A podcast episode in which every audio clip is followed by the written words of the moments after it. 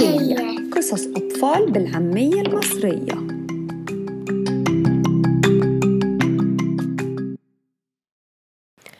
أهلا وسهلا بيكم في حلقة جديدة من برنامج بهية. معاكم دينا يحيى مقدمة البرنامج وهقرأ لكم النهاردة قصة سر الشمعدان. قصة سر الشمعدان من سلسلة المكتبة الخضراء للأطفال. تأليف أحمد زكي عمارة ورسوم محمد عطية.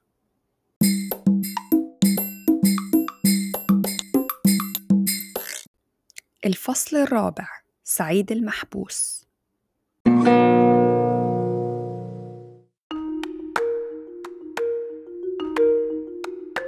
أصبح الفتى سعيد محبوس جوه الكهف وحس بالرهبة وتملكه الخوف وانتابته الحيرة. اتجه فورا نحو الباب الحجري وهو مضطرب. وبكل قوته حاول إنه يفتحه لكن الباب كان صخرة كبيرة وتقيلة وصعبة على شخص واحد تحركها. فهي القفل المحكم على الكنز والمانع لأي إنسان إنه يوصل له. في اللحظة دي افتكر سعيد الكلمات اللي حفظها عشان يتفتح له الكهف وابتدى يرددها تاني بتوتر. لكي ينفتح الباب لابد أن يقرأ السر الذي في هذا الكتاب. فتى جاوز العاشرة. غير خائف أو هياب. لكن الحجر الصخري برضه ما تزحزحش. حاول سعيد مرة واتنين وعشرة في كل مرة يعيد فيها الجملة خوفه يزيد ويكبر لحد ما فقد الأمل خالص وقعد يعيط ويبكي في ركن من أركان الكهف. بعد شوية ما قدرش يحدد قد إيه. أصل ما كانش فيه لا شمس تنور المكان ولا عصافير تزقزق وتوحيله بقدوم الصباح. صحي سعيد وقام اتعدل في قعدته. دعك عينه وافتكر الورطة اللي هو فيها. قرر إنه يتمشى في الكهف ويدور ويشوف إذا كان في مخرج تاني. اتجول سعيد بين الجواهر المتناثرة في كل مكان وبين الحين والحين كان يبص على الحوائط اللي حواليه جايز يلاقي منفذ يخرج منه. وبقى على ده الحال يتأمل التحف العجيبة والأشكال الغريبة والمشغولات الجميلة المحلاة بالماس والياقوت وغيرها من الأحجار الكريمة. ونسى للحظات إن باب الكنز انغلق يعني اتقفل عليه وإنه أصبح محبوس في قفص متين. بعد ما أدرك إن ده خلاص بقى حاله قعد على الأرض وتملكه الحزن تاني وندم إنه ما نفذش وصية عنتر الدرويش. في تلك الأثناء كان عنتر الدرويش لسه قاعد عند باب الكهف مستني سعيد يطلع له. وأول ما سمع صوت الباب الحجري وهو بيتقفل نط واقف عشان يستقبل سعيد. لكن الفتى ما ظهرش. بدأ القلق يساور عنتر وبعد ما استنى شوية ولسه ما شافش أي أثر لسعيد دخل من باب الكهف ومشي فيه لحد ما وصل لدرجات السلم السبعة اللي قدام الباب الحجري. لما ما لقاش سعيد أدرك إن الفتى ما نفذش وصيته وإنه دلوقتي محبوس جوه الكهف. خرج عنتر من بطن الجبل وهو محتار وقلقان على سعيد. قعد وطلع كتابه وابتدى يقلب في صفحاته جايز يلاقي فيها حاجة تساعده في فك أسر سعيد. بعد لما بحث ودور مدة اهتدى لسطر واحد في آخر الكتاب. بيقول إذا ما تم لمس كنز من الكنوز غير الشمعدان المسحور سينغلق الباب الحجري ويغلب الذعر الشخص المحبوس. ولا خروج من كهف الكنوز طالما انتشر الذعر في القلوب. فهم عنتر من الكلام ده إن الباب ما بينفتحش لأي شخص خايف أو مذعور وأكيد سعيد اتفزع وخاف لما الباب اتقفل عليه وهو جوه. طب إيه العمل؟ طبيعي إنه يتفزع ولكن وفقا للكتاب لو فضل مفزوع مش هيعرف يخرج برا الجبل حتى ولو قال الكلمات السحرية. قفل عنتر الكتاب وقرر إن مفيش حاجة في إيده يعملها غير إنه يقعد يدعيله إن قلبه يتحرر من أي خوف أو ذعر. أما سعيد وهو في محنته افتكر مامته واللي ممكن يحصل لها لو ما رجع لهاش. فقام يتجول مرة تانية في المكان على أمل إنه يلاقي مخرج من القفص اللي حط نفسه فيه. وافتكر أمه لما كانت بتعلمه وتوصيه إنه يذكر ربنا ويدعيه بالذات في أوقات الشدة وأوقات الخوف والضياع. فقعد الولد ووشه في إيديه ودموعه بتسيل من عينيه وقعد يدعي بصوت مسموع. يا رب أنا غلطت لما لمست الكنز وده عقابي وأنا اتعلمت من غلطتي. يا رب خرجني من هنا عشان أرجع لأمي وأخلي بالي منها. مش عايز لا كنز ولا دياولو أنا بس عايز أرجع لبيتي ولأمي. وانفجر الولد سعيد في البكاء. وفي الوقت اللي كان بيدعي فيه سعيد جوه الجبل كان بيدعي له عنتر براه. وسعيد قاعد في الحالة دي حس فجأة بنسمة هوا خفيفة. فبص في الاتجاه اللي جاية منه ولمح ورا تحفة من التحف نور شاعع من فتحة صغيرة. راح وزحزح اللي كان موجود قدامها وفعلا لقى باب صغير. انشرح قلبه لأول مرة من ساعة ما اتقفل الباب الحجري واتملى قلبه بالأمل والأمل دفع الخوف من قلبه. حط سعيد إيده على الباب وبصوت قوي كله ثقة وأمل قرر الجملة إياها تاني. لكي ينفتح الباب لابد أن يقرأ السر الذي في هذا الكتاب فتى جاوز العاشرة غير خائف أو هياب. اتفتح الباب. مسك سعيد الشمعدان في إيده وخرج من الباب ولقى نفسه في سرداب يعني أوضة تحت الأرض. بيؤدي لنفق طويل. آخره كان بستان جميل. في أشجار مليانة ثمار. ورغم إنه ما كانش عارف هو فين ولا عارف طريقه للبيت هديت روح سعيد واطمنت نفسه لما شاف نور الشمس. وقرر يقطف له كام ثمرة من شجر البستان يهونوا عليه جوعه قبل ما يبتدي يدور على طريقه لأمه. أيقن سعيد إنه ضل الطريق اللي جه منه وهو في صحبة عنتر الدرويش ولكنه عرف يوصل لبلده بعد ما أرشده واحد من المارة للطريق الصحيح. فأسرع نحو بيته وهو في إيده الشمعدان وهو مش مصدق نفسه إنه رجع. واستقبلوا أهل الدار من الإخوة والأخوات وقابلته أمه بترحاب شديد وسألته عن عنتر الدرويش. فحكى لها كل اللي حصل من طقطق لسلام عليكم. ابتسمت الأم وحضنته وبسته وهي بتقول غلطت لما لمست المجوهرات يا ابني ولكن معلش كلنا بنغلط. الحمد لله إنك رجعت لي بالسلامة. ولحظة الأم الشمعدان اللي حكى لها عليه وكملت. وعلى قد ما أنا مش عايزاك تغيب عن نظري تاني إلا إنك لازم ترجع الأمانة للراجل الطيب اللي خدك معاه. سعيد كان عارف إن مامته على حق ولكنه احتار يوصله إزاي. وبعدين افتكر إن عنتر الدرويش كان حكاله هما في طريقهم لجبل الأحلام عن البلد اللي بيقيم فيه والبلد اسمها نجمة الريان. الفصل الخامس سر الشمعدان.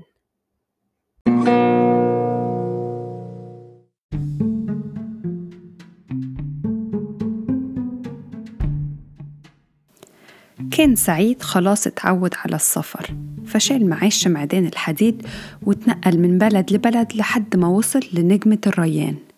وهناك فضل يسأل كل حد يقابله عن عنتر الدرويش فأشار له بعض من الناس لقصر كبير وقالوا له إن هو ده قصره. قرب سعيد من القصر واتجه لبابه فإذا بعنتر نفسه واقف في شرفته يعني بلكونته وعلى وشه ابتسامة وأول ما شاف سعيد دعاه للدخول. دخل سعيد القصر ولقاه من جوه صرح عظيم حيطانه مرصعة بالجواهر والأحجار الكريمة وفي أركانه التحف الجميلة النادرة. وفي البهو الكبير استقبله عنتر. فبدره سعيد وقال أرجوك تسامحني وتغفر لي على اللي حصل. وقام مقدم له الشمعدان الحديد. فابتسم عنتر الدرويش ابتسامته الحنون وربط على كتفه وقال له بعد ما قعده وأكرمه احكي لي اللي حصل. فحكى له سعيد على اللي حصل ووصف له الكنوز اللي شافها جوه الكهف وإزاي نساه جمال الجواهر وسحرها وصيته. فاتقفل عليه الباب ومعرفش يفتحه تاني. وحكاله إزاي فقد الأمل وشعر بالندم وإزاي قعد يدعي ربنا يخرجه من المأزق اللي كان فيه. وحكاله عن نسمة الهوى اللي دلته للباب اللي دله على السرداب اللي طلع منه على البستان ومنه على بيته أوام. بصله عنتر الدرويش وقال له بحنان أنا سمعت الباب وهو بيترزع وقلت خلاص سعيد رجع. فقمت ووصلت لدرجات السلم السبعة. ولما ما لقيتكش اتأكدت إنك أكيد نسيت تحذيري ليك وإنك دلوقتي زمانك محبوس. ففتحت الكتاب بدور على طريقة أساعدك بيها وفهمت إن الطريقة الوحيدة للخروج هي إنك تبدد خوفك. ما لقيتش في إيدي حاجة أعملها. غير إني أدعي لك ربنا يهديك سلام النفس والاطمئنان. وأديك خرجت وجبت الشمعدان كمان. تعال معايا بقى أوريك سر الشمعدان. حط عنتر الدرويش الشمعدان الحديد قدامه وأشعل الخمس شمعات. فأضاءت ضوءها الهادي السحري وظهر فوق كل شمعة فارس جميل. وابتدى الفرسان الخمسة يتميلوا ويرقصوا بشكل يثير الإعجاب. وقبل ما تدوب الشمعات قال له عنتر الدرويش بس مش ده بس سر الشمعدان بص يا سعيد دلوقتي هوريك السر الحقيقي. وأشار عنتر الدرويش بعصايته اللي في إيده نحو الفرسان فابتدوا يلقوا جواهر في أرجاء المكان. وفي كل مرة يشاور فيها عنتر الدرويش بالعصاية بتاعته تبتدي تتمايل الفرسان وتلقي بنقود ذهبية وجواهر من كل الألوان. سعيد كان قاعد مسحور بيتفرج على الشمعدان وهو مبهور. وتعجب وصاح إيه كل الجواهر دي؟ دي شبه الجواهر اللي شفتها في الكهف. رد عنتر وقال له زي ما وعدتك يا سعيد ممكن تاخد منها زي ما انت عايز بس سيب لي الشمعدان. وبعد ما تاخد اللي نفسك فيه ليك ولأهلك اقعد في القصر زي ما تحب لحد ما تستريح.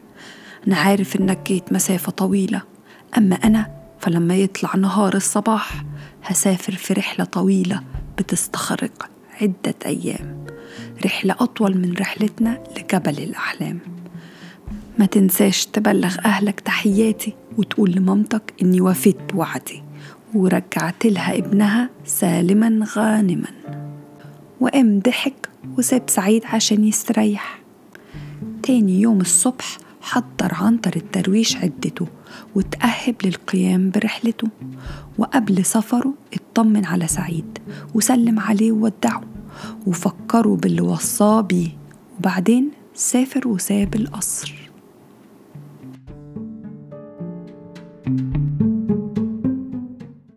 الفصل السادس. قرار سعيد.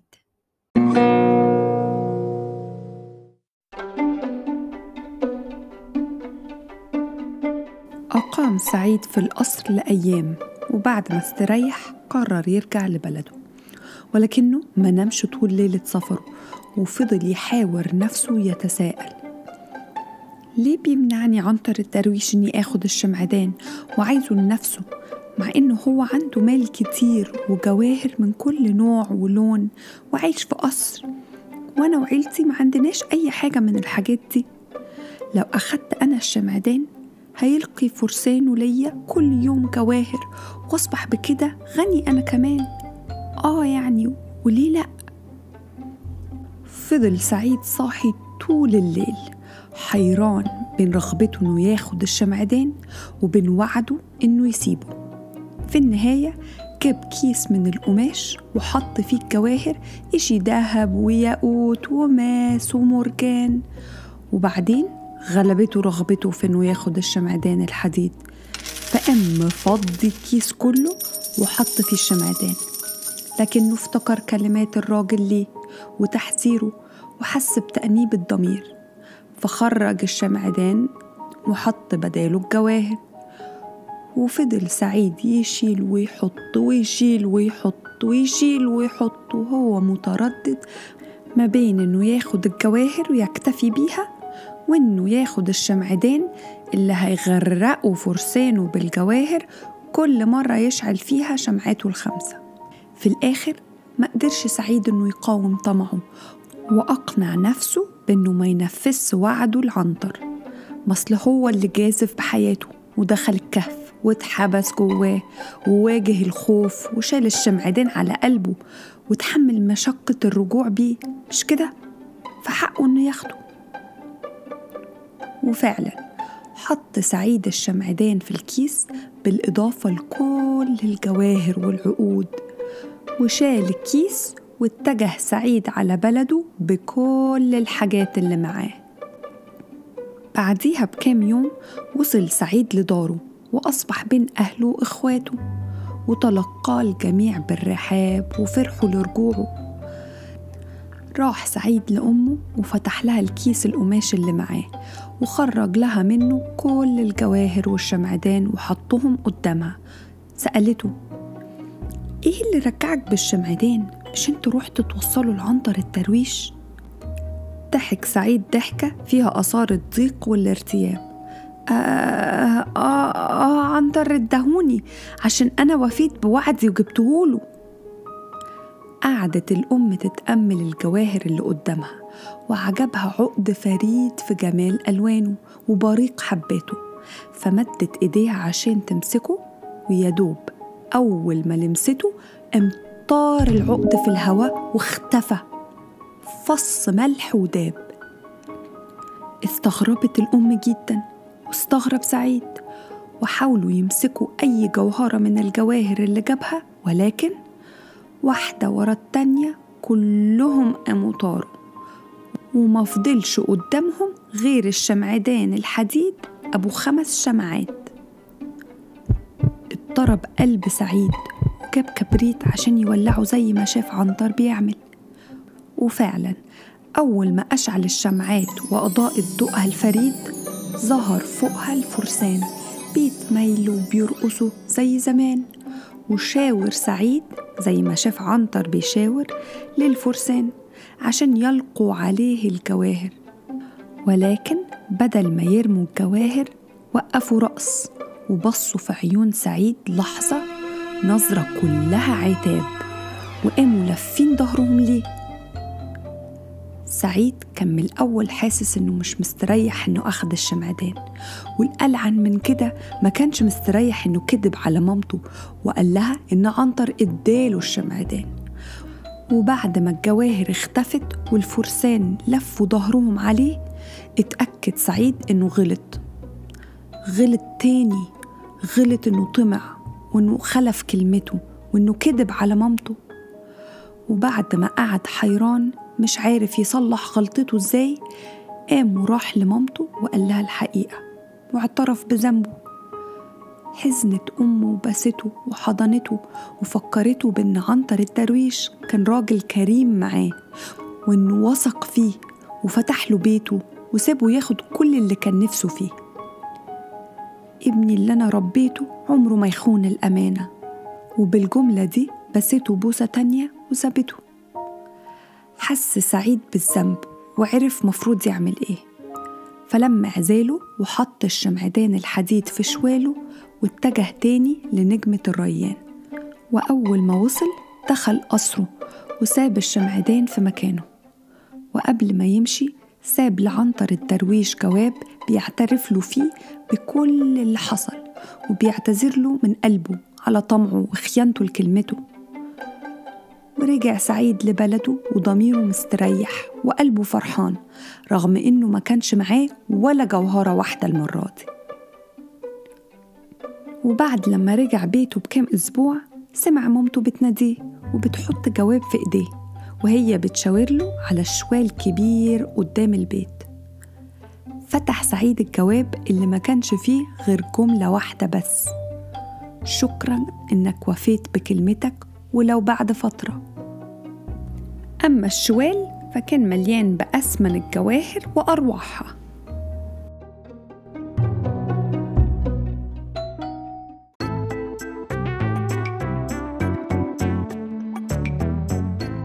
وتوتة توتة.